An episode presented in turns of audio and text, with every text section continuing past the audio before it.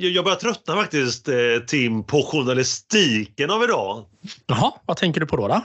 Ah, jo, jag vet inte. Jag, vet inte jag, ska, jag ska försöka få ihop det här till en till vettigt. Så här, ja, så här är det. Jag, det, blir, alltså, eh, det blir mer och mer utbrett har jag märkt att det ska, när det ska berättas någonting, alltså en, en, en journalist ska säga någonting så är det att, att han eller hon då ställer en fråga till sin kollega. Så det måste vara två journalister som liksom mm. gör något reportage, ofta som att, att och så ska det vara så att att den ena då ska vara överraskad över frågan. Alltså sedan fortsätter hela intervjun igenom. Jag ställer mig frågan varför kan man inte, varför kan man inte bara liksom hej hej, jag har någonting här jag vill säga och så säger man det. Alltså jag, alltså jag, har, mm. jag har ett exempel här. Alltså, mm. eh, alltså hur kan man... Alltså ett exempel skulle vara så att, alltså, vi säger journalist nummer ett då frågar. Mm. Hur spelade han? Eller hur spelade laget? Och så säger journalist två, eh, laget, eh, han spelade bra. Alltså istället för att, istället för att eh, att eh, journalist 1 då kunde sagt att ja, han, laget spelade bra. Alltså, mm. alltså det är sånt tugg som tar alltså oceaner av tid. Man hade mm. kunnat bara kort, kort och gott berätta sin story. Som jag sa, ja, laget spelar bra. Och så var det bra så. Alltså, och sen kan man utveckla istället för ja, laget, ja, hur spelade laget? Laget spelade bra. Eh, vem var, vem var det som spelade bra? Eh, vilket sätt spelade bra? Jo, det ska jag berätta för dig. Alltså sådär. Det blir så, det blir så, så bara ett tugg om och om igen. Visst kan man liksom väva in sånt, men det blir ju... Det, det blir som att eh, det blir så sjukt mycket tid och det blir så tråkigt till slut att bara lyssna på när två journalister som vet vad man ska diskutera så diskuterar de ändå som att ja, ah, första gången den frågan, jaha, mm. jaha vann Färjestad idag? Nej men det! Kan ja. du berätta mer? Ja men det ska jag berätta för dig förstår du. Ska jag berätta om Färjestad här för dig? Alltså, ja. ja är du med? Alltså, är, är detta något du känner igen när, det, när journalist intervjuar så att säga kollegan? Ja, alltså detta är någonting jag absolut känner igen och det är det jag tycker är det fina med journalistiken. Nej, nu skojar jag med dig. Nej, jag, jag, jag, håller, jag håller med dig Emil. Jag tycker att det är, eh, det är extremt innehållslöst. Det, det, känns som att, eh, det känns som att de har mer i sig än att behöva liksom ställa de uppenbara frågorna till varandra hela tiden. Det är lite, lite för mycket tjenis ibland kan jag tycka på de här journalisterna när de ska ställa de här frågorna. Eh, framförallt de rätt uppenbara frågorna. Hur, hur stod det i paus? Ja, det ska jag berätta för dig. Eller efter två perioder så stod det, jaha, gjorde ja, det det? Ja, men precis som du säger också, när de ändå vet vad det är för match den andra personen kanske då har kollat på. Alltså jag menar, vi lever ju ändå på 20-talet. Det är ju bara att ta upp en telefon och kolla i appen snabbt. Vad står det? Jaha, då kan vi ställa frågan. Jag säger att det blev 3-0. Hur upplevde du matchen? Då har man i alla fall ställt en vettig fråga. Men att ställa, ja. frå men ställa frågan som att aha, det här var ju helt nytt. Alltså nej, det, jag, jag håller med dig. Jag håller med dig. De kan, de kan bättre. Men det känns som att det liksom har blivit någon typ av journalistsjuka nu för tiden. Att man bara ska ställa de uppenbara frågorna. Det man tror att folk vill höra, vilket man verkligen inte vill göra.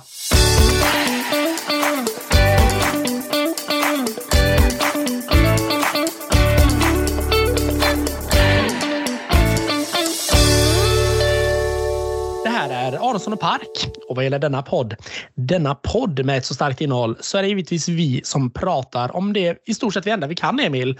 Eh, alltid till dig och för dig. Vi finns här för att upplysa dig om vad som har hänt och inte har hänt inom hockeyn och tennisens underbara värld. Vi pratar om det vi kan med andra ord. Ingenting, absolut ingenting annat. Vi lovar. Den så vackra frågan kommer här nu, eh, Emil. Vad, vad har du i ditt glas denna fina, fina novemberkväll?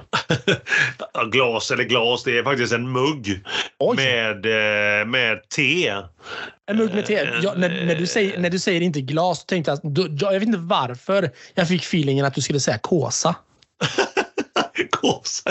Eller, ja, jag eller eh, jag sitter inte här med, jag, jag sitter här med en kåsa, det var fint. Det var skogs, skogsmulle över det. Eller, eller alternativt du bara tänkte med en gång, alltså du sitter här med en bib och bara häller rakt ner i munnen. Ja, ja, ja, ja, ja, ja, ja, precis, precis. Du bara öppnar kranen.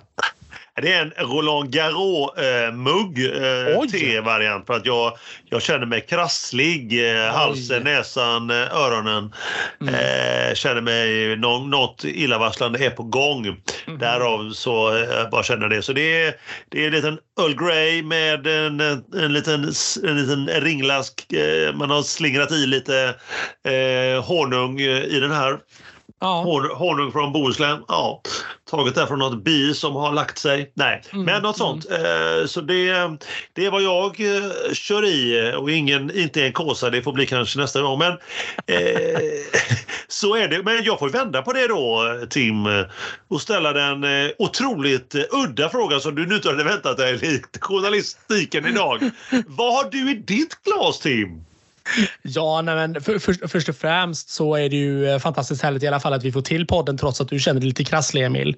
Uh, jag, vet, eh, jag vet hur det är så att säga eftersom jag också ganska ofta nu, nu har suttit och druckit te just när vi har avsnitt uh, inspelning. Nej, men den här kvällen, du vet, det är ju november. Man börjar få lite så här julfeeling. Jag var på en viss nöjespark i helgen faktiskt som var uh, där de hade smält upp ett riktigt härligt jultema. Så att jag har fått lite julfeeling här nu så att jag sitter på och dricker en liten god Eh, Winter Ale heter det. Jaha. Ja, precis. Från ett, eh, ett välkänt svenskt märke här. Ja, jag säger Oppigårds. Den är fantastiskt god. Ja. Uh, som uh, jag sitter och smuttar lite på här nu och, och, så, och ja, bara, bara myser rent allmänt i, i, i ditt sällskap här Emil nu när vi ska spela in lite ny podd här. Mm, gud vad det låter, det låter ju magiskt ju. Det är magiskt. Ja, det låter Ja. ju, men eh, det låter ju fantastiskt. Jag tycker att det är värt en skål på, på den. Ja, även denna gången så Ja. tar vi en liten skål på det tycker jag. Skål med muggen och med det, eh, det flaska då, eller vad har du den i? Jag har den i en glasflaska faktiskt. Ja, ja, men då får bli eh, skål, skål. ja skål!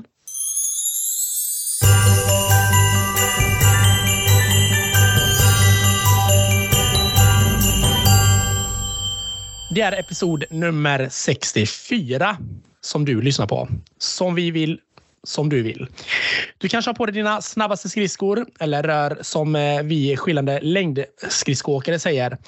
Du kanske tagit av dig samma snabba skridskor. Du kanske snurrar på dig farfars gamla längdskidor eller så kanske du har snurrat på dig samma skidor igen när du upptäcker att det inte finns någon snö på marken. Rullskidor med andra ord for the win. Kanske framförallt här på västkusten då Emil. Här har vi ofta ganska barmark om man säger så. Men nu menar vi här och nu då? Jo då. Hur som så hoppas vi att du har skaffat dig det bästa wifi du bara kan. Skruva upp volymen på max på den nya fräscha bergsprängaren. Vi är så glada att du både vill och gör det. Alltså lyssna på denna podd. Denna podd med ett så starkt innehåll. Vi hälsar just dig varmt välkommen. Vi kan säga så mycket. Du har kommit rätt. Du har hittat till en podd med ett innehåll. Ett innehåll utan några som helst tveksamheter. Om det är hockey eller tennis då. Eller varför inte både och för den delen. Podden med både innehåll, den perfekta kombo, blandningen ishockey och tennis och vi två som är två spontana och görgoa experter. Det, vi är här alltså, här med poddarnas podd Aronsson och Park. Och återigen vill jag säga tack alla ni som hör av er. Tack till er. Ni skickar meddelanden, ni ringer, messar feedbackar, skickar över en bunt, säger man så, tepåsar. Vad, vad vet jag, vad vet jag. Så kul med att ni är där aktiva och pratar med oss. På tal om Instagram. Eh, vi finns ju där, har funnits där ett tag, i flera år nu. Men frågan är vad heter vi där? Kommer du ihåg? Vet du det Tim? Ja, men jag är Buxingen. Vi heter ju Aronsson och Park där. Ingenting annat. Så fint, så fint. Det var som en, en, en, en lyssnare sa. Ni smög in namnet Aronsson och Park och jag sa ja, det gjorde vi. Det gjorde vi. Det gjorde vi. Ja. Vi, bytte, vi, vi, vi, växte upp och eh, intog en ny skrud kan man väl säga. Och sen flera avsnitt senare, eller episoder, då Ja. sa vi att nej, men vi har bytt namn. Ja, Ja. iskallt. Iskallt. Det är så vi rullar. Det är verkligen marketing i, i sitt esse. Ja, det är återigen, vi har sagt det förut, jag kommer säga det igen just nu. Vilket Mm. content! Magiskt content. Mhm. Ja, så är det. Men eh, vi rullar vidare tycker jag och det känner jag det är dags för veckans fråga. Mhm. Och eh, här drar jag en liten goding eh, som inte alls är eh, lång. Den är så här Tim, är du med? Ja, kör på. Trivs ni? Det låter så. Så vad säger du Tim, trivs du?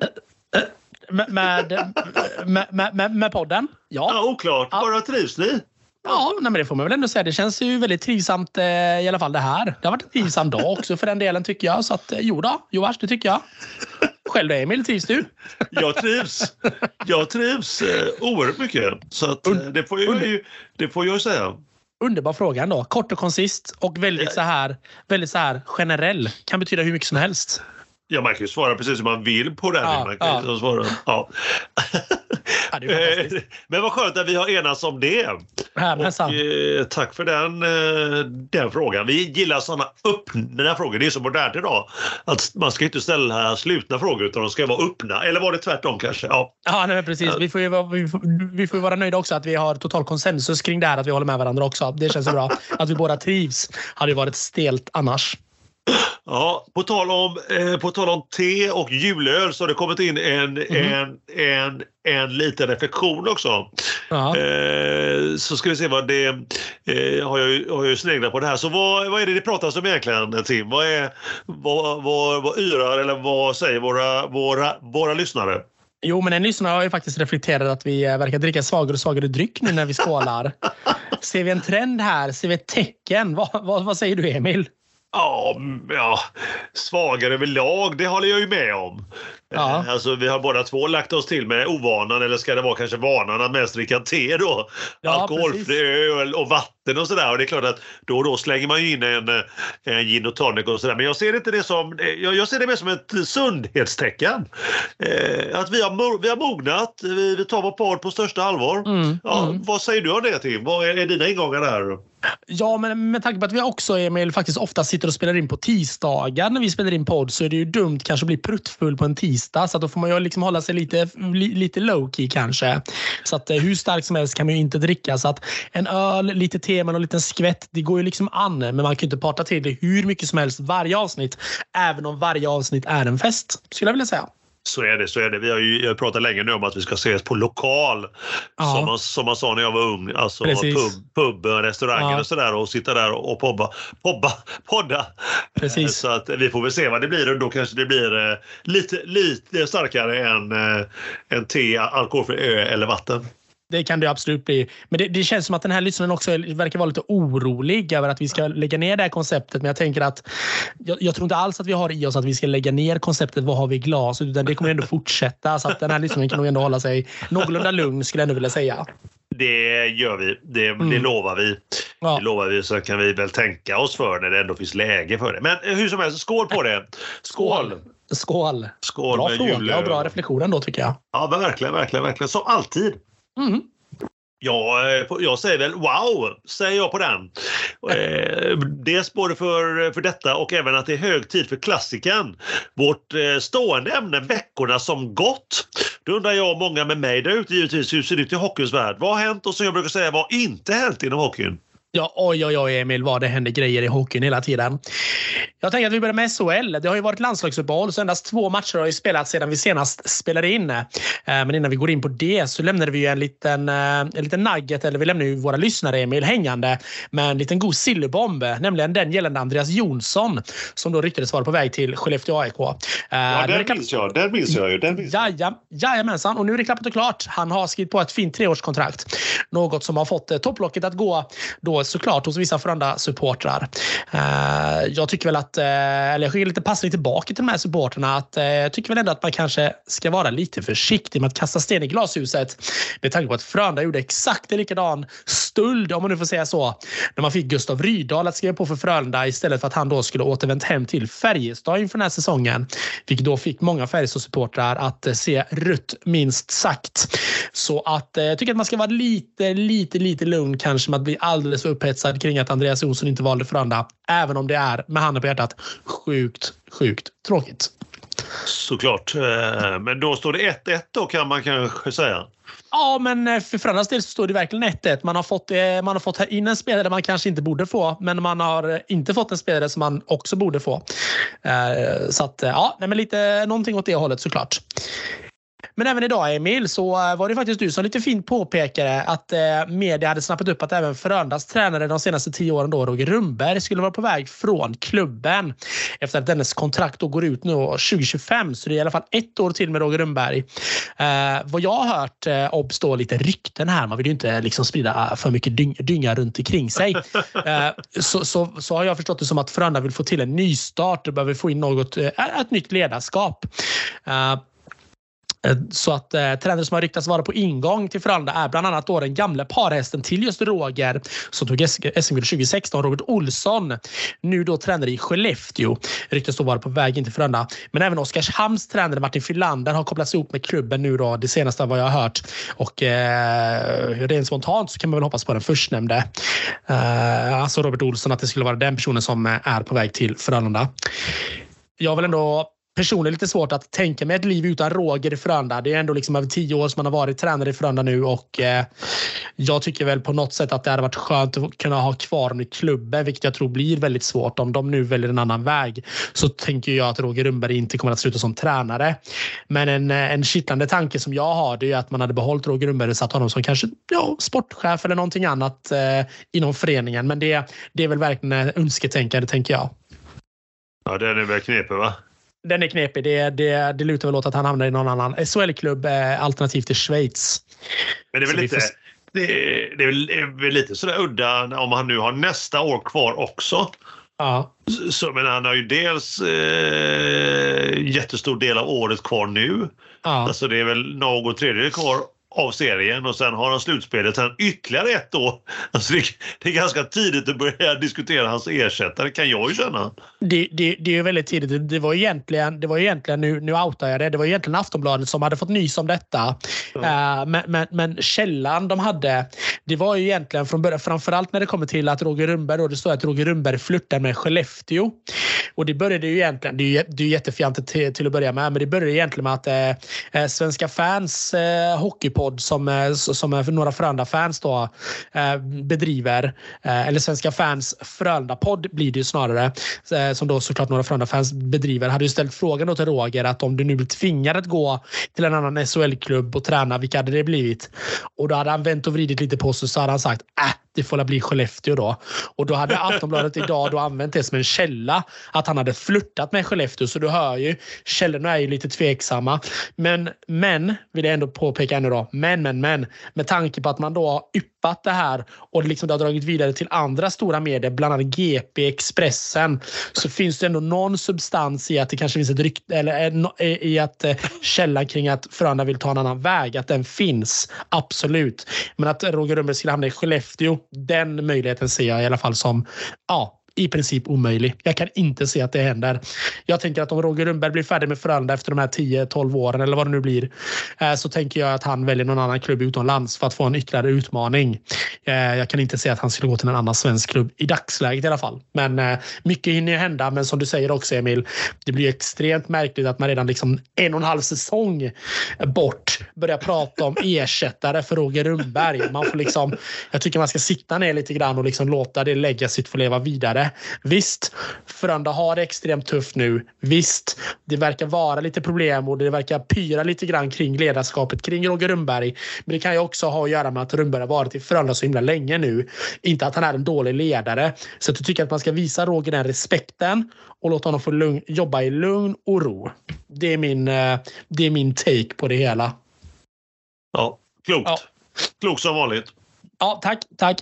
Men jag tänker nu i det här fallet, Emil, vi får ju lämna de här sillryktena. Det är ju bara rykten som sagt, så att det är, vi vet ju ingenting förrän det liksom är helt klart. Så att, eh, men det är alltid lite kittlande såklart när det kommer såna här nyheter eh, en, sun, eller en tisdag förmiddag. Det får jag ändå säga. Det är klart att man snappar upp det och att man drar ögonen åt det hållet och vill veta mer. Men om vi ska fokusera lite mer på själva serien då. Hur går det där? Jo då, där är tabellen fortfarande haltande. De flesta lagen har ju nu eh, hunnit spela i alla fall 19 matcher medan vissa fortfarande står på 18 och till och med 20 matcher spelade. I topp har vi fortfarande stora starka Färjestad som visserligen startade upp efter landslagsuppehållet här nu då med att torska borta mot Linköping 4-2 för att sedan eh, göra proceduren relativt kort mot Örebro lördags då när man vann med hela 3-0. Detta efter ett skolboksexempel på hur man spelar tajt försvarsspel med en glimrande Carl Lindbom som sista utpost, alltså målvakt. På andra plats hittar vi Luleå som vi vet är ett erkänt starkt eh, lag när det kommer till själva grundseriespelet. Man vann också i sedvanlig ordning, höll jag på att säga här, men eh, man vann i alla fall i helgen när man hemmaslog ett eh, tämligen svagt eh, Frölunda som eh, blandar och ger eh, med hela 4-2. Luleå ryckte snabbt iväg till en 3-0-ledning som då göteborgarna nästan åt ikapp visserligen i den tredje perioden. Men chansen med att ta ut mål, när man chansade att ta ut målvakten så ringde det till direkt 4-2 putsade siffrorna till där. Växjö hittar vi på en tredje plats.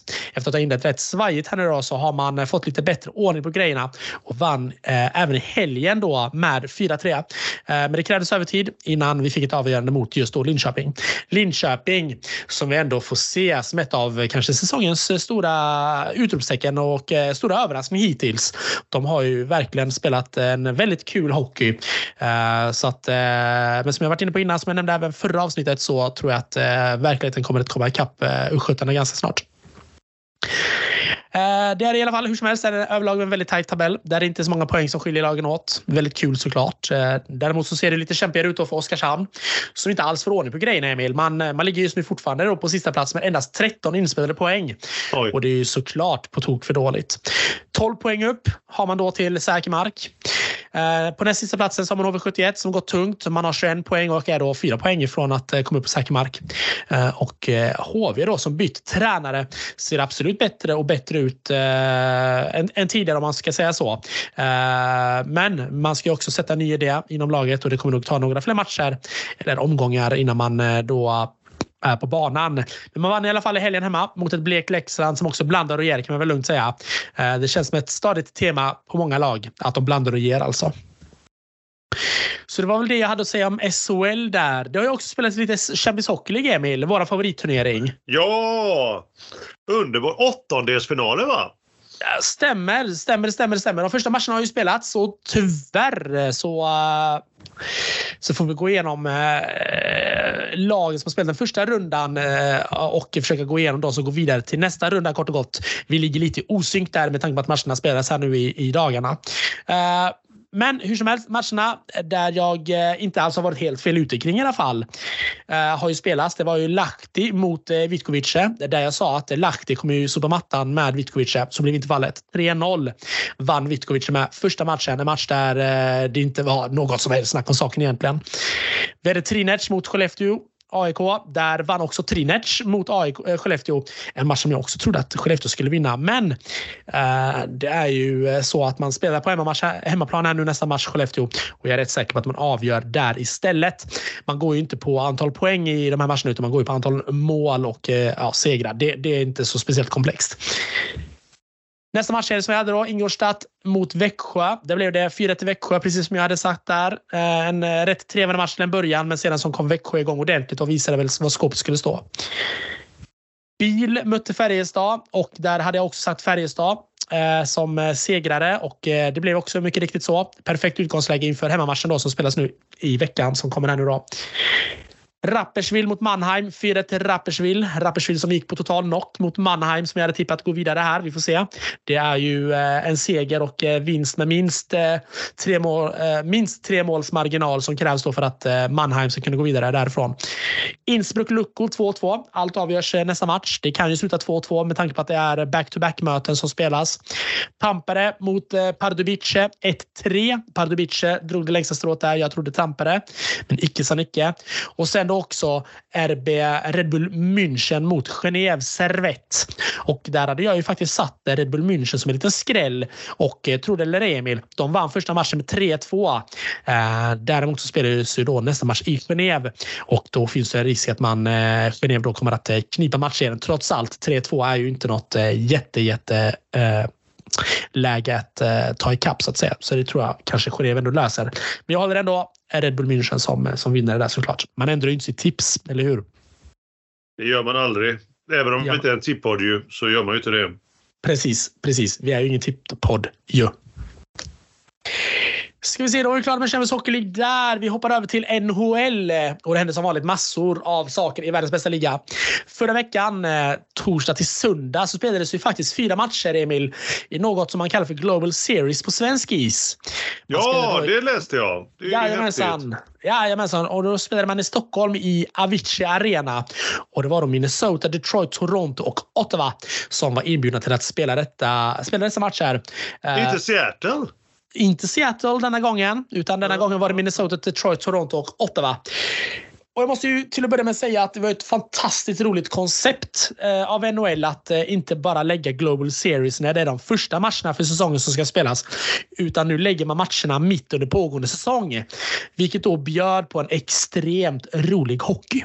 Måste jag ändå säga.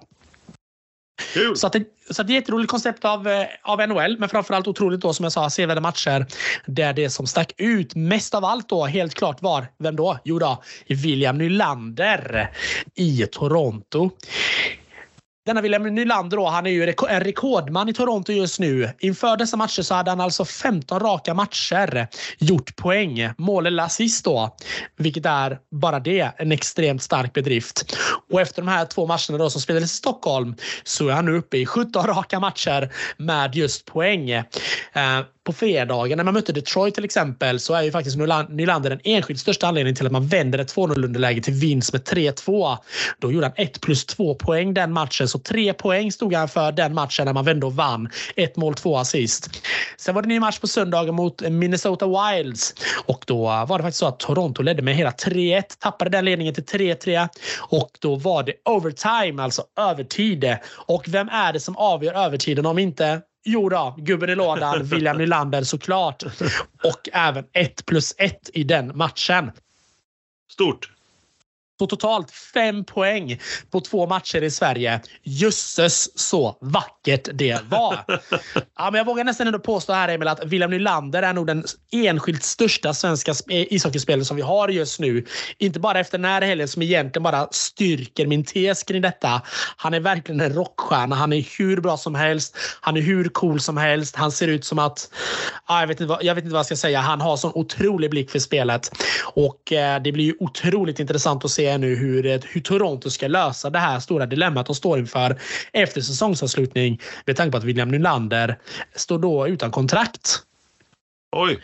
Jajamensan. De hade ju en ganska tuff förhandling med William Nylander när de skulle signa, signa det här nya kontraktet som han har just nu. Men efter den här säsongen så går hans kontrakt ut. Och eh, med tanke på hur han ser ut just nu så kommer han ju att spräcka lönetaket fullständigt i, i Toronto. Så de kommer ha en riktig huvudvärk efter den här säsongen hur de ska göra med, eh, med William Nylander. För det är inte bara att, att betala det han vill ha utan de måste ju ha cap space, alltså de måste ha löneutrymme för att kunna signa honom också.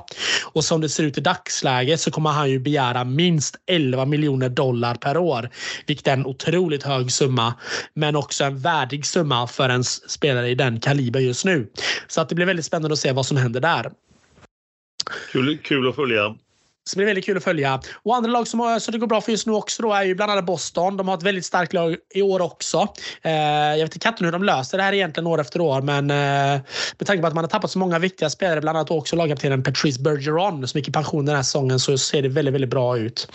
Däremot så nåddes vi av uppgifterna här nu i eh, i, ska vi se här, i slutet av förra veckan att eh, deras eh, ena spelare, då, gamla trotjänaren som har varit på, på lite dekis och varit i lite andra eh, franchises här nu några år, Milan Lucic, som inför den här säsongen tecknat ett nytt eh, kontrakt med Boston, är avstängd eh, inom, eh, inom NHL och inom klubben på obestämd tid.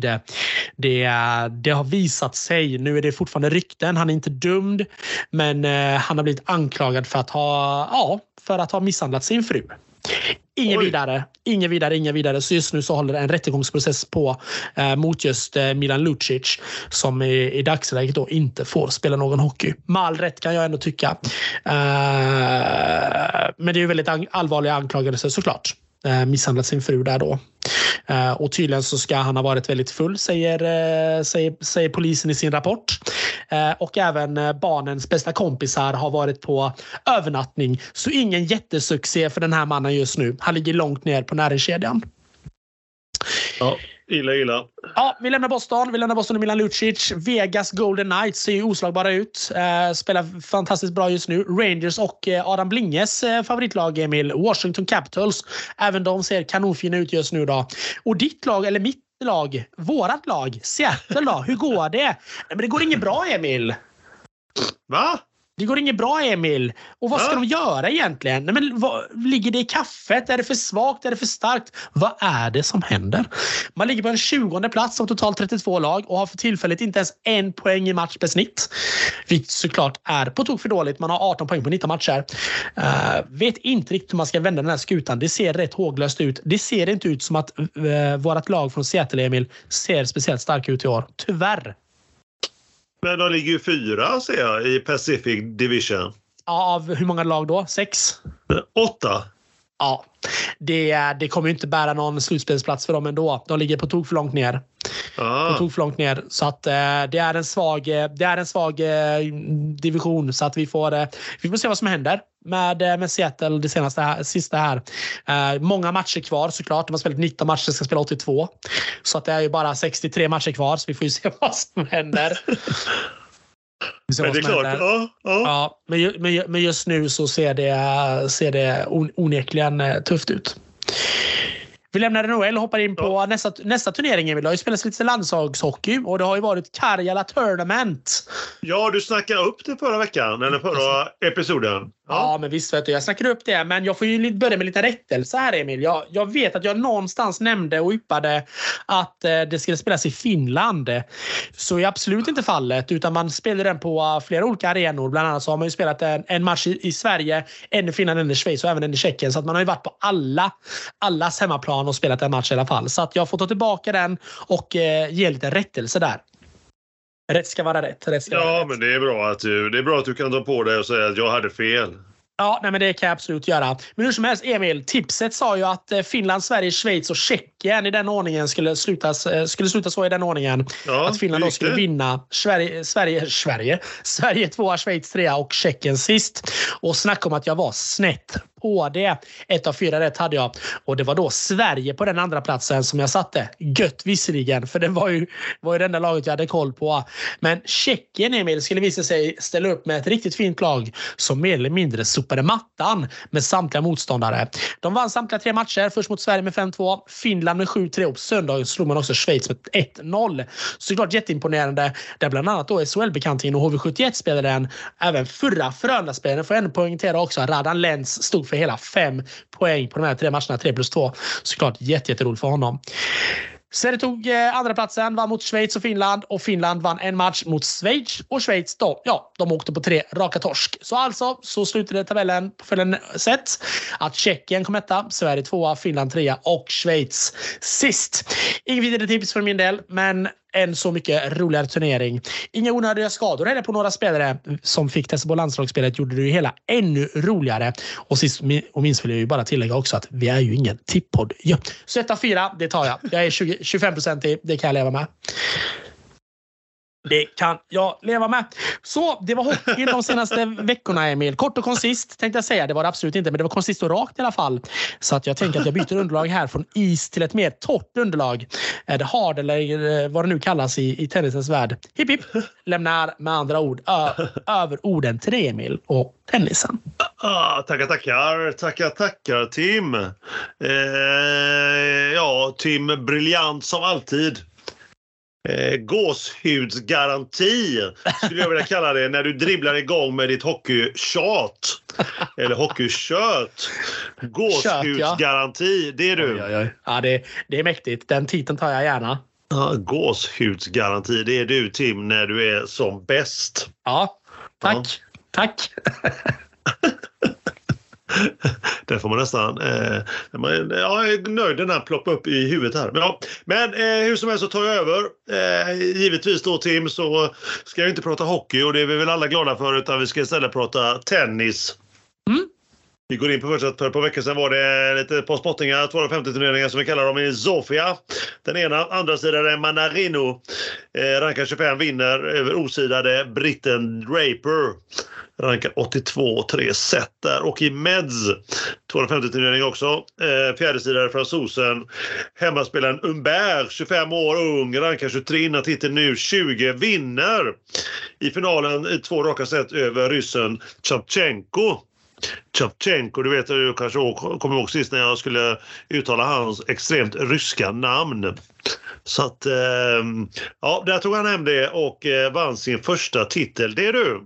Eh, och sedan rullar vi då ut i den fina, långa, härliga, underbara röda mattan för att prata ATP-slutspelet i Turin, Italien. Ja. Ja, det spelas en fanfar i mitt huvud. Eh, det är världens åtta bästa spelare, åtta bäst rankade på live-rankingen för 2023 som ska göra upp om titeln.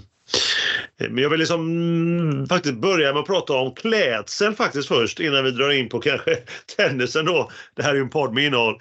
Eh, eh, första välkomstmiddagen då när herrarna möttes där i, i ett par dagar innan, innan spel, slutspelet skulle dra igång. Om, du inte, om inte ni har spanat in eh, Nitto ATP Finals på Insta från den 10 november så kan jag varmt rekommendera att göra det. Ett sådant skådespel. Mm. Det var Djokovic han dyker upp i någon eh, serb, serbisk baseballjacka. Alcaraz hade på sig någon collegetröja-jacka. Tsitsipas hade på sig någon rock, någon sorts rock, någon kaftan, likt en grekisk gud. Sinne ser ut som att han har precis kommit från högstadiet, men han klär sig från den. Rune är klädd som en tonåring från Danmark som försöker sig på mode. Ja, och så kan jag fortsätta. Sicket skådespel! Vilka modelejon! Så kan jag säga. Ja, eh, magiskt att se. Det gjordes ganska mycket narr av herrarna. Eh, åtta, åtta grabbarna och de eh, sådär. Ja, ja, häftigt. Så gå in där. 19 ATP Finals så kan ni få njuta av detta skådespel. Men hur som, hur som, vi ska rulla vidare. Det är ju podd med innehåll. Eh, det är häftigt med slutspel, ingen snack om det. Som alltid. London körde ju det här 2009 till 2020. Turin har nu tagit över och kör ett par år till där så att eh, jag kan säga London, det var ju mer eh, i O2 Arena där var lite mer kanske eh, mäktigt men även Turin, inte fel på det, inte fel på det, samma härliga inramning. Mm. Eh, och så det är alltid, alltid roligt och spännande när en italienare då hemmaplan går långt som vi kommer till. Men vi tar det från början givetvis. Vi var uppdelat eh, åtta spelare uppdelat på två stycken, två stycken grupper. Vi börjar med den gröna gruppen. Eh, första dagen eh, Sinner, fjärde sida då mot Tsitsipas. Eh, sjätte sida kontrollerat två gånger 6-4 till Sinner. Eh, och har nu då vunnit och reducerat inbördesmöten till 3-5. Kvällsmatchen Djokovic toppsida mot Rune. Åttonde sidan inbördesmöten här 3-1. Dansken på nyttfödd i alla fall delvis inledningsvis. Första set bryter efter 24 minuter breakball nummer 3 till 2-3 Rune. Men lyckades inte långvarigt eh, misslyckas hoppa ner att bli tre lika. Djoko snyter sig också betänkligt likt jag, Oj. mig, i sidbytena faktiskt. Han sitter där och snorar och drar. Och frågan vad han har i näsan, det lär vi aldrig få veta. 6-5. eh, 6-5 Rune, Rune tätt lika. Retur, andra serve på fötterna. Kort på Rune, Djokovic upplagt läge. Men Djokovic får en bred, precis och tiebreak på det. 6-3 setbollar räddar en, sedan andra över och retur. Får en cross och Rune chanslös. Dryga timmen tog första set till Djokovic. Andra set, Rune bryter omgående Djokovic till 0-2 men tappar en 1-2 eh, med en gång. Tiebreak och sätter till tiebreak. Och där, hör och häpna, går eh, Rune fram till 6-0 och sex stycken setbollar. Eh, men där ger, eh, där ger han bort en bred backhand. Räddar alltså en retur bred 1-7 till slut. Efter dryga timmen så har vi spelat knappa eh, 2 och 20. Och en liten kuriosa där att säga att Djokovic har enligt utsago aldrig förlorat ett tiebreak med 0-7. Han har alltså min, alltid minst vunnit en boll i Sarvik. Ja, men nu var det nära. Det var bara slarv från Rune som gjorde att det skulle sättas på hans konto. Men vi glider in i avgörande set istället. Eh, Rune hamnar i underläge eh, fort. Eh, första serve-gamet, eh, 0-40, tre breakbollar, räddar en. Sedan dubbelfel och då alltså 2-0 till Djokovic. Men bryter tillbaka då dansken till 2-1. Och vad gör då den onde Djokovic? Jo, han sparkar sönder sitt rack. Inte bara ett rack, utan två. Som en galning står han och bankar och sparkar på sitt rack där vid sin, eh, sin lite soffliknande sak som han har, som har vid sidbytena. Ja, illa, illa, så otroligt dåligt. En varning för det. Han borde kanske fått mer kan man ju tycka samma sidbyte då också så tar Rune, han, jag vet inte om han blir så chockad över detta så han är tvungen att ta in en läkare för att få någon sorts piller. Nej det var det kanske inte, han hade väl ont någonstans kanske får man tro. Eh, men det är ju som vanligt ska jag säga med Rune, dansk taktik som jag kallar det. Han har ju tagit in en doktor innan så att säga när det står och väger matcherna eller som jag brukar kalla det, han gör en Rune Åter till matchen kanske. Vi ska släppa sönderslagna rack och piller och annat. Eh, 3-2 och serve för Rune. Då avgörs det 30 lika. Lyfter den backen på väg fram bred 30-40 breakball. Matchens duell. Avvaktande 27 gånger far bollen, bollen över nätet. Avslutar Djokovic, lurar fram av stoppboll och passerar sedan lika igen. Samma igen men Djokovic fram och hinner med en backhandvolley vid nät. Rune borta. Breakball nummer två. Duell och stenhårt får en rak av Djokovic. Diagonal får den och av Rune i korridoren 4-2. Sen blir det 5-3 och blankt Djokovic till 6-3. Serve och på nät får en cross och Rune borta. Så matchen till Djokovic. Snackar efter matchen ska vi vara lite grann. Eh, Djokovic han tappar mer och mer får du säga. Rune har mer och mer att säga till om när det gäller, när det gäller ehm, eh, spel mellan, mellan Djokovic och honom. Och sen såg vi Boris Boom Boom Becker. Du minns killen som har skakat galler Ja. på grund av personliga konkurser i mass. Han är ny coach nu för Ja. Rune. Ja, verkar göra honom gott faktiskt. Serven sitter, Boris är en fri man och Rune kanske kan få med sig mer offensivt spel. Becker minns från 80-talet att han var ju känd för sin, var, sin magnifika spel serve volley. Eh, ja, Djokovic med, i med vinsten i alla fall. 19 raka vinster. Eh, kuriosa 29-7 i statistik tiebreak för året. 80 vunna för Djokovic. Ja, det var första dagen. Vi rullar vidare snabbt här kanske eh, till dag nummer, eller andra rundan för samma grupp. Den gröna så Sissipas möter Rune. Och där gav Sissipas upp efter en kvart, drygt 17 minuter. 1-2 stod det till Rune att klaga på ryggen. Och eh, Tsitsipas går upp. Det innebär att nu kommer ju reserven få möta Djokovic i alltså reserven polacken Urkas. Nionde eh, sida kommer in och eh, får möta Djokovic i den sista gruppmatchen. Men där, där kommer vi till. Kvällsmatchen Djokovic eh, mot Sinner. Och där har ju Sinner aldrig vunnit innan matchen över Djokovic. Inbördes möte 3-0 till serben. Snabbt eh, spel, 4-4, 40 minuter tog det utan någon press på servern alls. 5-4, Sinner servar. Eh, underläge 15-30 men till 5 lika. Via två, eh, vi har två unfor arrows och ett S. Djokovic 40-0 i sin serve sedan till 40 lika. Dubbelfel. Publiken jublar. Breakball. Eh, kan tyckas eh, tungt, eh, kan tyckas osportligt. Tungt gånger två på Djokovic den vid baslinjen och slut överspelare 5-6 första breaket. Och sen blankt för Sinner till 5-7 efter en timme knallspel. Ratt spel av eh, Sinner, lojt irriterat från av Djokovic får väl ändå sägas. Mm. Andra set. Är du med? Ja, kör på. Ja, ingen mute på den inte. Tie, Nej, inga nej. break. inga, inga break på hela sättet fram till tiebreak. Rune upp till 2-0. Reducerar 2-2, 3-2. Egna servar 3-4. Starkast där. Till slut Djokovic vinner med 7-5 i tiebreaket. Och avgörande set följer. Återigen ett break åt vardera håll. Setet avgörande återigen till tiebreak. Och starkast där? Jo! Jannik Sinner, Italien, vinner med hela 7-2. Matchuret över två timmar och äntligen sin första seger mot Sissi Pass. Nej, Stort. mot Djokovic såklart. Ja, ja, just det. Djokovic ingen annan. 19 långa matchsviter över på rad sen, eh, sen förlusten i Wimbledon i somras. Ja, för, för övrigt också vann han lika många poäng, 109 var i matchen. Oj, ja. Mm. Då har vi tredje rundan och då ska det avgöras sista rundan i gruppspelet. För denna grupp, Djokovic mot då Urkas, polacken. Han kom in som alternative eh, sidad eh, nia då när Tsitsipas kom upp.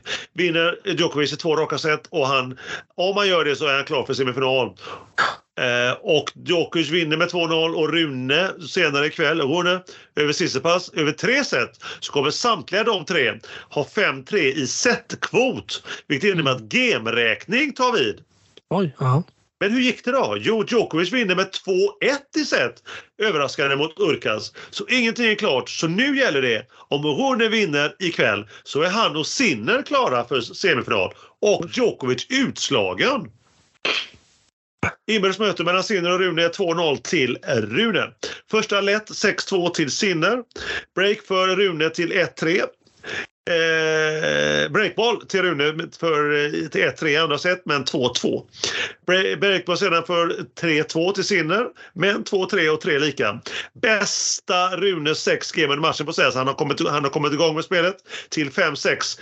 Eh, Sinner, Sinner servar 0-40 underläge 3 breakbollar. Räddar 2. Sinner på nät. Lobb Rune Sinner chanslös. Och 7-5 i andra set till Rune. Avgörande set även här. Vinner Rune detta så är Djokovic utslagen. Men vinner Sinner så är Rune utslagen. Oj, oj, oj. Ja, ett spännande avgörande set i Turin. Och där är då vem är den starkaste? Är det 22-åringen eller 20-åringen? Och Sinner vinner med 6-4 i avgörande set. Oh. Han la sig alltså inte Sinner, det får man ge honom cred för. Hade han lagt sig så att säga, eller spelat mindre bra, så hade alltså Rune gått vidare. Men nu vill han ändå vinna. Så det innebär att Sinner vinner gruppen och tar med sig Djokovic in i semifinal eh, på lördagen. Mm, mm, mm. Så ena gruppen. Vi ska snabbt gå igenom också den röda gruppen. Första omgången. Eh, här då Alcaraz andra sidan mot Zverev. Sjunde inbördes möte 3-3. Tre setbollar vid 6-5 i Sveriges serv. Men till tiebreak där vinner 7-5 då Zverev drygt efter en timme. Andra set. Zverev återigen tar initiativet fram till 0-3 och håller detta till 3-6. Avgörande. Sex eh, Sinner bryter på första breakbollen 30-40 när Alcaraz släpper missbedömer boll. Vinner 1, 2, 3. Håller hela vägen 2,5 timme 6-4 i avgörande set. Analysen. Sverige tappar inte serven en enda gång under hela matchen. Och Alcaraz första slutspelet ATP-slutspelet och fortfarande inte vunnit någon match där då. Sverige alltså vinner över Alcaraz. Det är du! Otroligt. Ja, första matchen där. På eh, ryssmötet på kvällen. Medvedev tredje sidan, Rublev femte sidan. Inbördes möte 6-2 till Medvedev. Två tidigare breakbollar för Rublev hjälpte inte. Å andra sätt gled honom i händerna. Klasskillnad egentligen 6-4, 6-2 till Medvedev efter en och en halv timme. Vi går vidare till andra omgången i samma grupp, den röda. Alcaraz möter Rublev. Noterade jag, det är deras första möte mellan dessa Mhm. två herrar. Mm. Två raka till Alcaraz på drygt en timme och Alcaraz första vinst i ett ATP-slutspel. Stort så säg! Och fortfarande ingen setvinst för Rublev i detta slutspel efter två matcher. Mm. Andra omgången, kvällsmatchen Medvedev mot Zverev inbördes 10-7. De möts 17 gånger. Första fyra dock vann Zverev 2016 till 2018. Tarvik första med 9-7 till Medvedev. Andra fram till 6 5-4 och serve, Sverige. Rak passering och Sverige borta 30-40. Matchboll. Retur på fötterna och lång forehand 6-4. Så då vann, eh, då vann alltså Medvedev denna. Och Avgörande sista omgången då. Alcaraz möter Medvedev inbördes 2-2. Senast US Open till Medvedev. Men Alcaraz vinner två gånger 6-4 på 1,20. Snabbt avverkat Medvedev såg blek ut. Båda då, resultatet innebär att båda är klara för semin och kvällsmatchen då mellan Zverev och Rublev blir utan eh, spänning överhuvudtaget. Ut, båda utan chans alltså att vinna semi. Även här vinner Zverev då med 6-4. Och Rublev går igenom tre matcher, slutspelet utan en enda setvinst. Mm. Så är det. Eh, man får säga kommentarer om gruppen så här innan vi går in på semifinalerna är väl att gruppen kändes otroligt mycket mer avslagen än, eh, än eh, den andra gruppen, den gröna. Svårt att slå när en hemmaspelare Sinner i bra form och en Djokovic i den andra gruppen kontra en Alcaraz utan det sista stinget och en tysk slagman och två ryssare i den andra. Det är klart att det är svårt att och konkurrera med det. Och som jag sa till är då en, en lätt blek Rublev som inte vann ett enda set. Mm. Är du redo för lite semifinaler, eh, Tim? Ja, jag, jag bara väntar Emil. Kör på. Jag tycker det alltid är extra kul som du kanske har märkt genom åren när, eh, när eh, man har kommit långt i turnering och det är många toppsidade spelare kvar. Och Det. De fyra högst, toppsid, de fyra högst sidade spelarna är i semi. Och nu innebär det att vinnaren i ena gruppen vinner, eller spelar mot tvåan i den andra gruppen och vice versa. Mm. Så det blir Sinner fjärde sidad mot Medvedev tredje sidad. Inbördes möte 2-6 till Medvedev. Dock så eh, för den gode eh, lyssnaren och dig Tim så har ju Sinner vunnit de två sista matcherna. Mm. Efter 0-6 eh, som det var innan. Matchen över tre set. 6-3, 6-7. 4-7 i tiebreak och 6-1 till Sinner i sista avgörande set. Tre raka segrar nu för Sinner mot eh, Medvedev. Och kul med honom i final på hemmaplan. Det är ju otroligt roligt. Mm. Kvällsmatchen, kanske visst enligt vissa, moralisk final kanske, eller blev det det? Alcaraz, andra sidan mot Djokovic, toppsidan. Inbördes möte 2-2. Spännande, så Eh, Eh, varannan 2022 Masters Madrid, semi grus till Alcaraz och tre möten i år. Semi Roland Garros till Djokovic över fyra set. Wimbledon-finalen som vi alla minns. Alcaraz vann där över fem set och final Cincinnati för några månader sedan. Ute på hard till Djokovic. Tre täta set, 7-5 och följt av två tiebreak-set. Första set då under denna semifinal. Breakball gånger två i Djokovic första servegame. Men kom inte åt Alcaraz 3-4, 15-40. Två breakbollar emot och räddar en. Men nummer två duell, backhand djup fram baslinjen när Alcaraz backar något i nät. 3-5 och sen kan eh, Djokovic serva hem setet med ett blank game. Mm. 40 minuter bara. Andra set 1-1. Alcaraz slarvig stoppboll men i nät. 30-40 breakboll. S på den. Enkel backhand lång breakboll igen. Backar efter retur och ramträff. 1-2 till Djokovic. Många, många så att säga enkla misstag från Djokovic. Och nej, från Alcaraz såklart. Och Djokovic ser otroligt samlad ut. Mycket, mycket samlad ut. 1-3. Dubbelfel till breakboll. 2-3. Djokovic 15 lika 27 gånger över nät. Vilken otrolig poäng! Den den precisionen, wow säger jag. Herregud vilket tempo! Han vinner nästa poäng på den också och eh, Alcaraz på nät, får och Djokovic borta. Borta 15.42 breakbollar. Retur lång på breakboll eh, nummer ett. Duell på andra avslutat med forehand cross och Djokovic lika. Sedan viftar han och ber om mer jubel från publiken. Och vänder på det från breakbollar till 2-4. Alcaraz, svaret kommer. 15.42 breakball åt andra hållet. Avgörs matchen nu? Nej, han räddar båda. Lika på nät igen efter serve, serve volley, men i nät. Vilka otroliga vinklar på duellen som följer. Otroligt vilka vinklar han gör i det tempot. Så fascinerande att se. Alcaraz avslutar med rak forehand, men lång 2-5. Nu har då serben chans att serva hem matchen. 40-0, tre matchbollar dubbelfel. Spelar sig fram på nät, smash och Alcaraz borta. En och en halv timme, 3-6, 2-6. Så lite sammanfattande statistik på det. Fyra breakbollar, ingen vunnen. Där har vi skillnaden. 5-8 åt andra hållet. Lätt antiklimax faktiskt dock. Trodde hoppades på så mycket mer av denna match men Djokovic var för bra, för felfri och Alcaraz kom inte och var inte på topp. Tyvärr, tyvärr. Mm. Djokovic gjorde väl honom kanske sämre också. Den fokusen, den otroliga fokusen som, som äh, när han har den, herr Djokovic, så är det inte många som kan äh, bita honom i svansen som du hade sagt. Nej, så är det ju. Så är det ju. Det är ett uttryck som du ofta använder. Nej, jag skojar bara Tim. Jag Nej, vä vä väldigt sällan får jag nästan säga. Du borde kanske använda det oftare. Ja. Det kanske är något jag ska börja använda lite oftare. Lite mer frekvent. Ty, tycker jag. tycker jag. Det är ja, ett tips från coachen. Ja, vi rullar vidare. Okay. Ja. Söndag, sista dagen, final.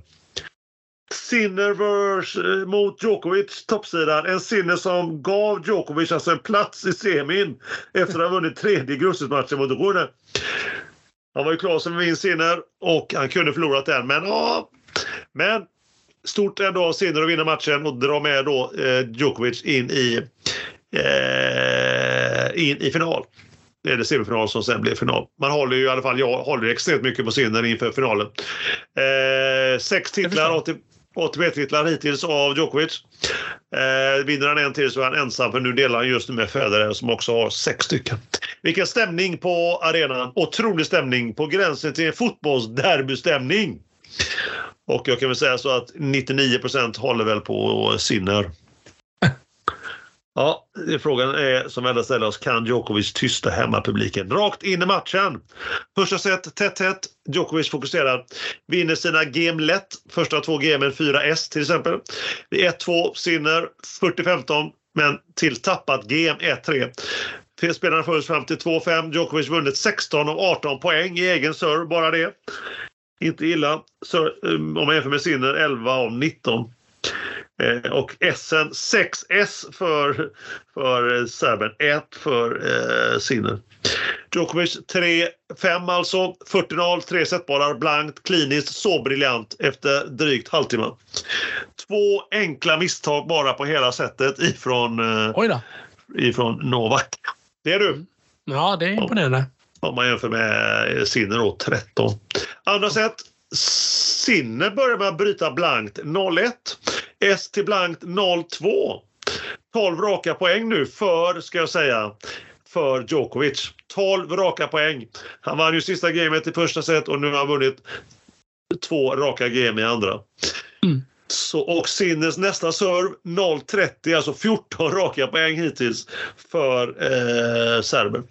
Sen äntligen 15-30, 30 lika, breakball kanske 30-40, men det är en stabil serve 40 lika. Ny breakball poäng från eh, hörn till hörn och Djokovic öppen plan. Men rak forehand på nätkanten och bred, lika. Nät och Sinner, breakball nummer tre, stabila servar gånger tre till 1-2. Tur för matchen kan man säga, så, så det inte blev 0-3 där. Mm. Blankt dock av serben till 1-3, 2-3 Djokovic, enkel forehand i korridoren till 15-40, två breakbollar. Det är du. Vart kom Ja. de ifrån undrar man. Sinner av breakbollar. Fyra raka poäng dock till 2-4. 3-4 sen. Djokovic ligger under med 0-30 i nästa game, men vänder det till, till 3-5. Sinner ser trött ut faktiskt. En trött forehand djupt i nät. 30-40 och Championship point för den gode serben. Dubbelfel på den Oj. av Sinner och matchen efter 1.42 slut och titeln efter 3-6, 3-6 till Novak Djokovic.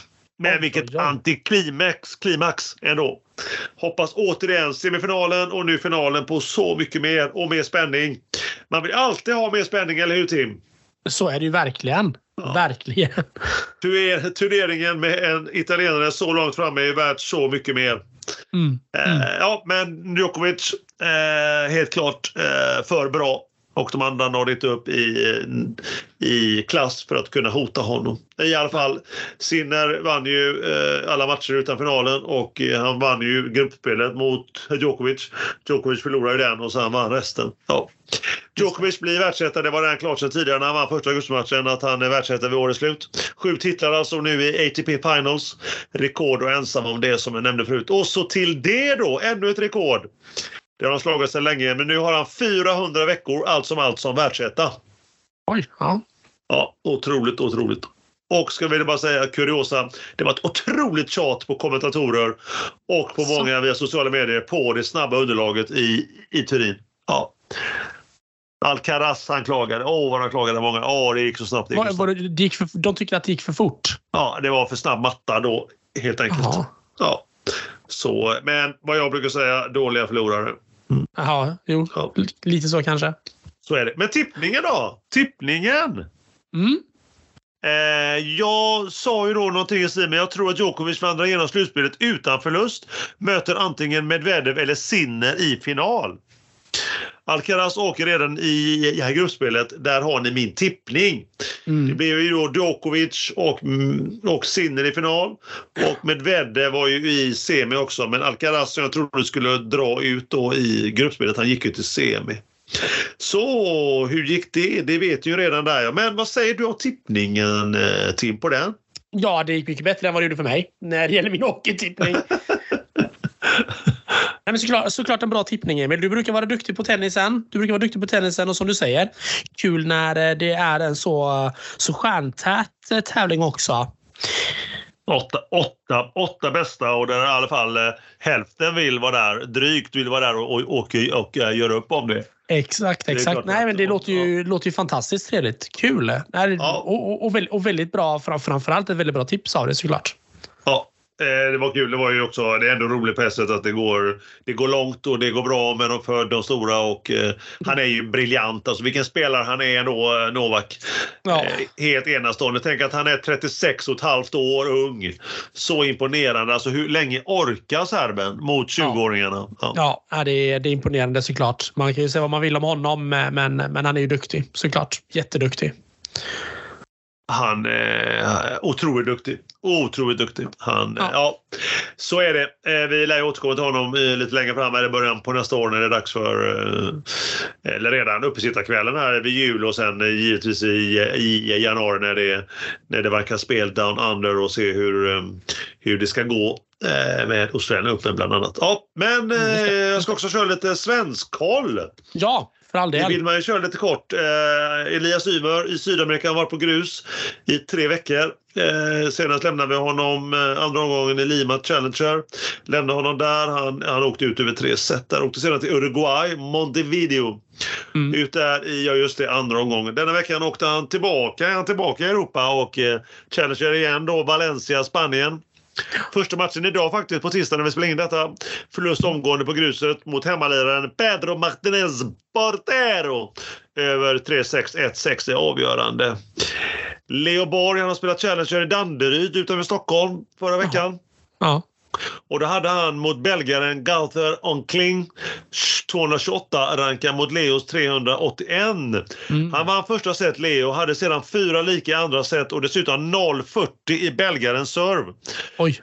Aldrig varit så nära, alltså tre breakpoint hade han aldrig varit så nära att vinna en Challenger, Challenger-match som nu. Men efter det vann han inte ett enda game och fick alltså stryk med 4-6, 0-6. Mm. Han tog slut där kan man säga. André Göransson då, dubbelräven som jag kallar honom. Han eh, bytte partner förra veckan, inte fru då utan tennispartner. Och drog, drog till Kanada en Challenger och vann där. Tillsammans med britten Toby Samuel. Toby kanske, och det gick ju bra. Vann turneringen. Kul!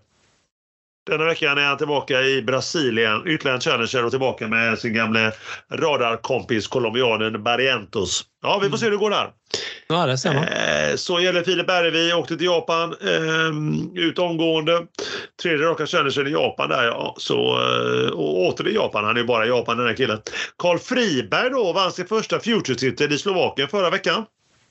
Mm. För förra veckan åkte till Danderyd, där fick en wildcard han också. Likt Leo Borg åkte ut omgående. Ja, det var väl det man kan säga om eh, eh, Svenskkollen. Danderyd-turneringen, det var inte så roligt där. Kände, kände det var kul att det var en. Mm. Men eh, alla svenskar är ute omgående och sådär. Ja, men, men det var det om eh, tennisen och eh, Svenskkollen. Ja, kanon Emil. Vilken toppen genomgång hörru. Och, Tack. eh, Och, och, tänk, och tänk att eh, Novak Djokovic som du säger är så förbaskat bra fortfarande. Imponerande. Mycket imponerande. Ja, hur länge håller han? Ja, det är ju, det är ju, frå, det är frågan. Det är frågan.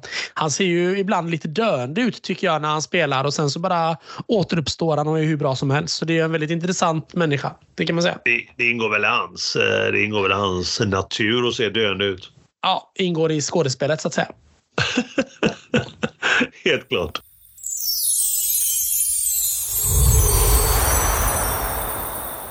Det är återigen dags för att snacka upp ett fint, kärt gammalt ämne som vi har här i podden.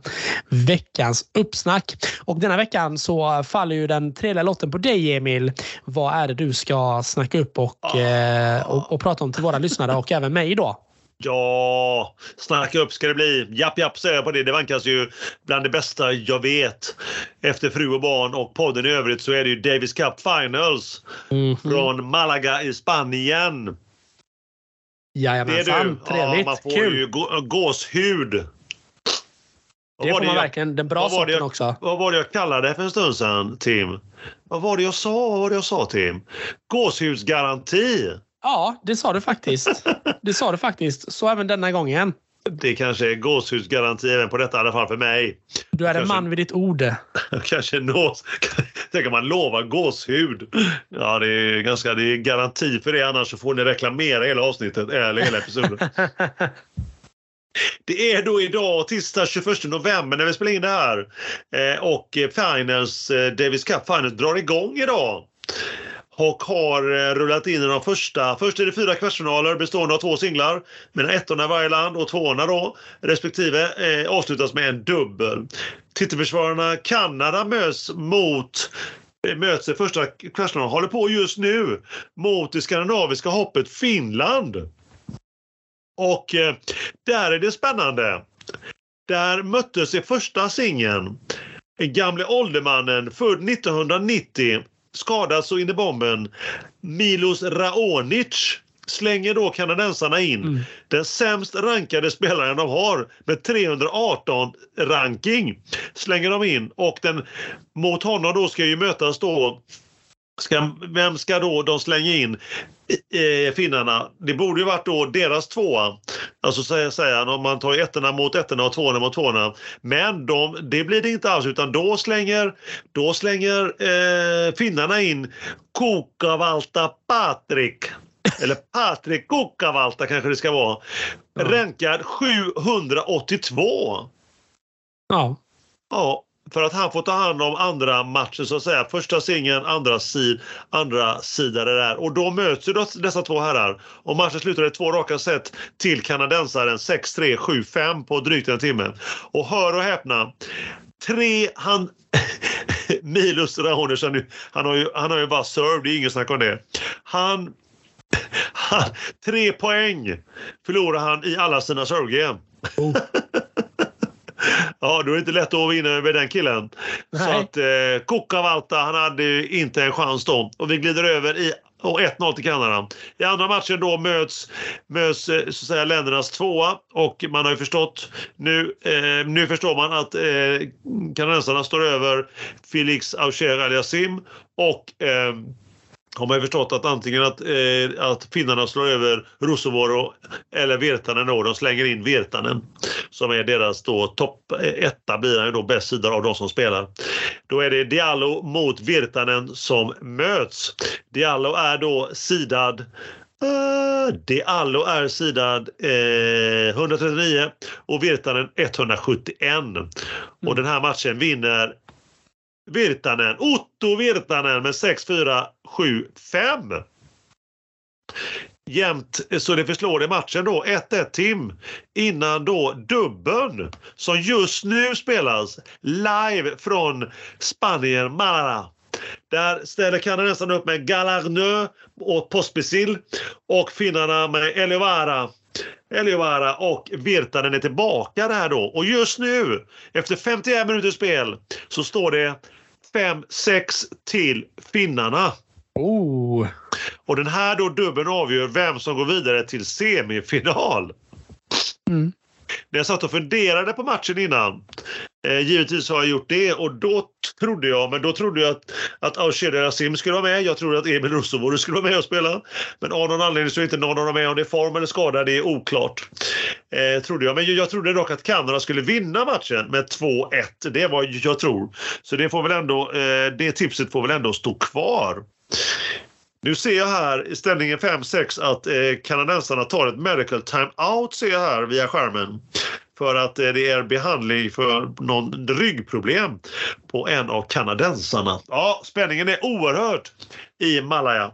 Ja, men Tim, för dig övriga så ska vi också gå igenom de övriga kvartarna så återkommer vi väl till hur det går i den här kvarten. Imorgon då, onsdag, spelar Tjeckien mot Australien.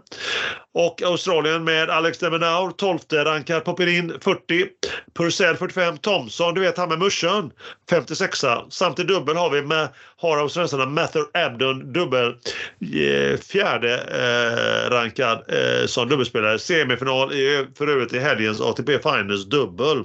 Ja. Mot det ställer Tjeckien upp med min Stockholmfavorit som kallar han Lehecha. Ni vet han jag trodde skulle vinna Stockholm Open. 31-rankad Mahek, Mahek 70-rankad på singlarna.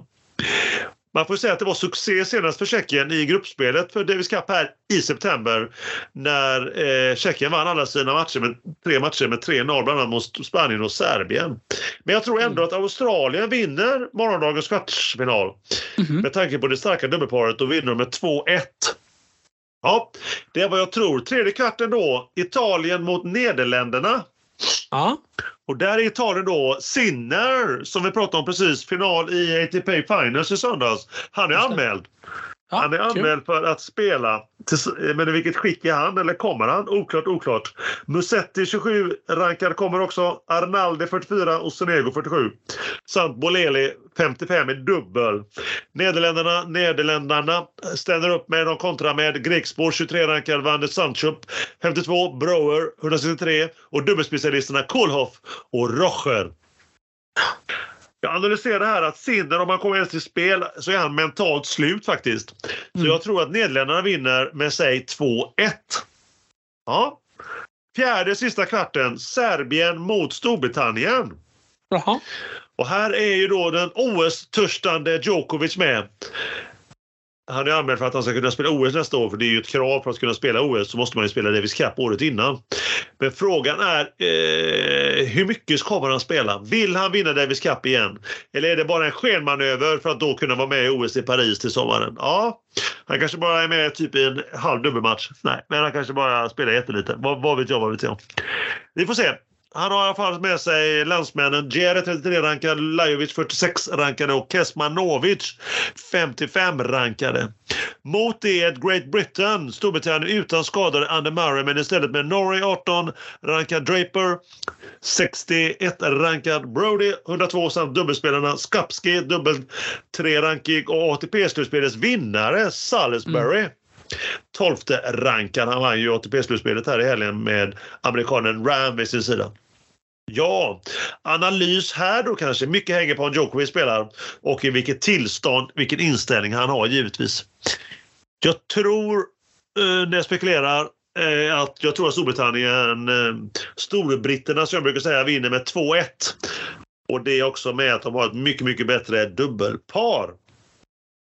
Så då blir semifinal första på fredagen mellan Kanada och Australien och på lördagen semi Nederländerna mot Storbritannien. Finalen då? Jo, jag tror att Australien vinner över Kanada med 2-1 och Nederländerna vinner över Storbritannien med samma siffror. Då blir det alltså final mellan Australien och Nederländerna. Mhm, mhm. Och här vinner stora trumman. Här kommer den. Trumvirvel. Pang! Australien tror jag. Jaha. Så jag tror de med Leighton Hewitt som kapten blir Davis Cup-mästare 2023. Jaha. Ja, vi får se. På söndag är det final. Och vi följer givetvis upp det på nästa, i nästa episod. Det kommer vi att göra. Och på söndag är det också lottning faktiskt inför nästa års Davis Cup där Sverige ska lottas i kvalificeringsrundan i februari. Men det tar vi eh, nästa gång. Det var min eh, snacka upp, uppsnack om Davis Cup Finals. Gåshudsgaranti säger jag på den. Ja, jag håller med dig Emil. Det var riktig gåshudsgaranti.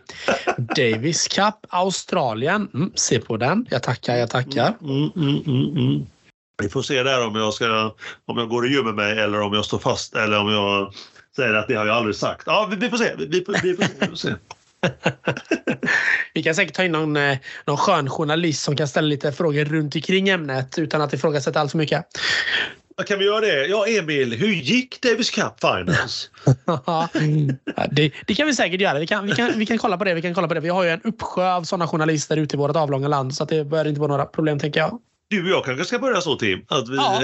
att vi ställer bara frågor till varandra hela tiden. Då har vi ju inte många lyssnare kvar Emil. Då lär, de, ju- då lär det ju sina ganska rejält tänker jag. Ett avsnitt som ska vara 37 minuter håller på i 3 timmar och 37 minuter. Vi bara ställer massa frågor hela tiden. Ja, ja, och vi har inte kommit längre än tre frågor efter, efter tre timmar. Ja, det är fantastiskt. Ja. Ja, det är häftigt. Det är häftigt. Det är häftigt.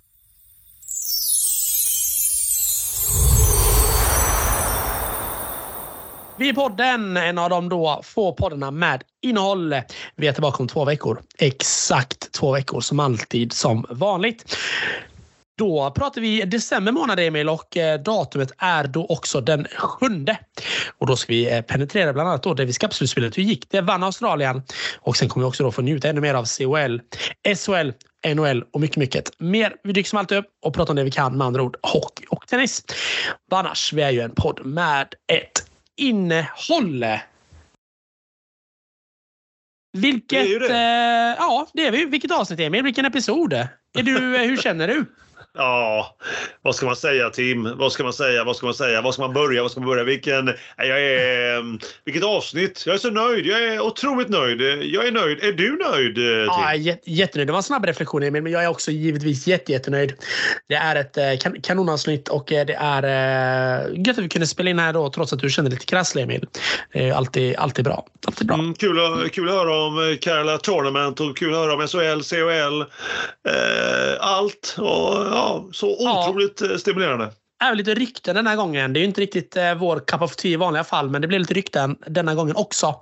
Förstår du? Andreas Jonsson förra veckan, eller förra avsnittet. Och denna avsnittet så pratar vi då lite om Roger Rönnberg. Ja, absolut. Absolut. Vi är ryktenas podd nu för tiden. Ryktespodden. Nej, jag skämtar. Så långt eh, ner ska vi absolut inte gräva vår grupp.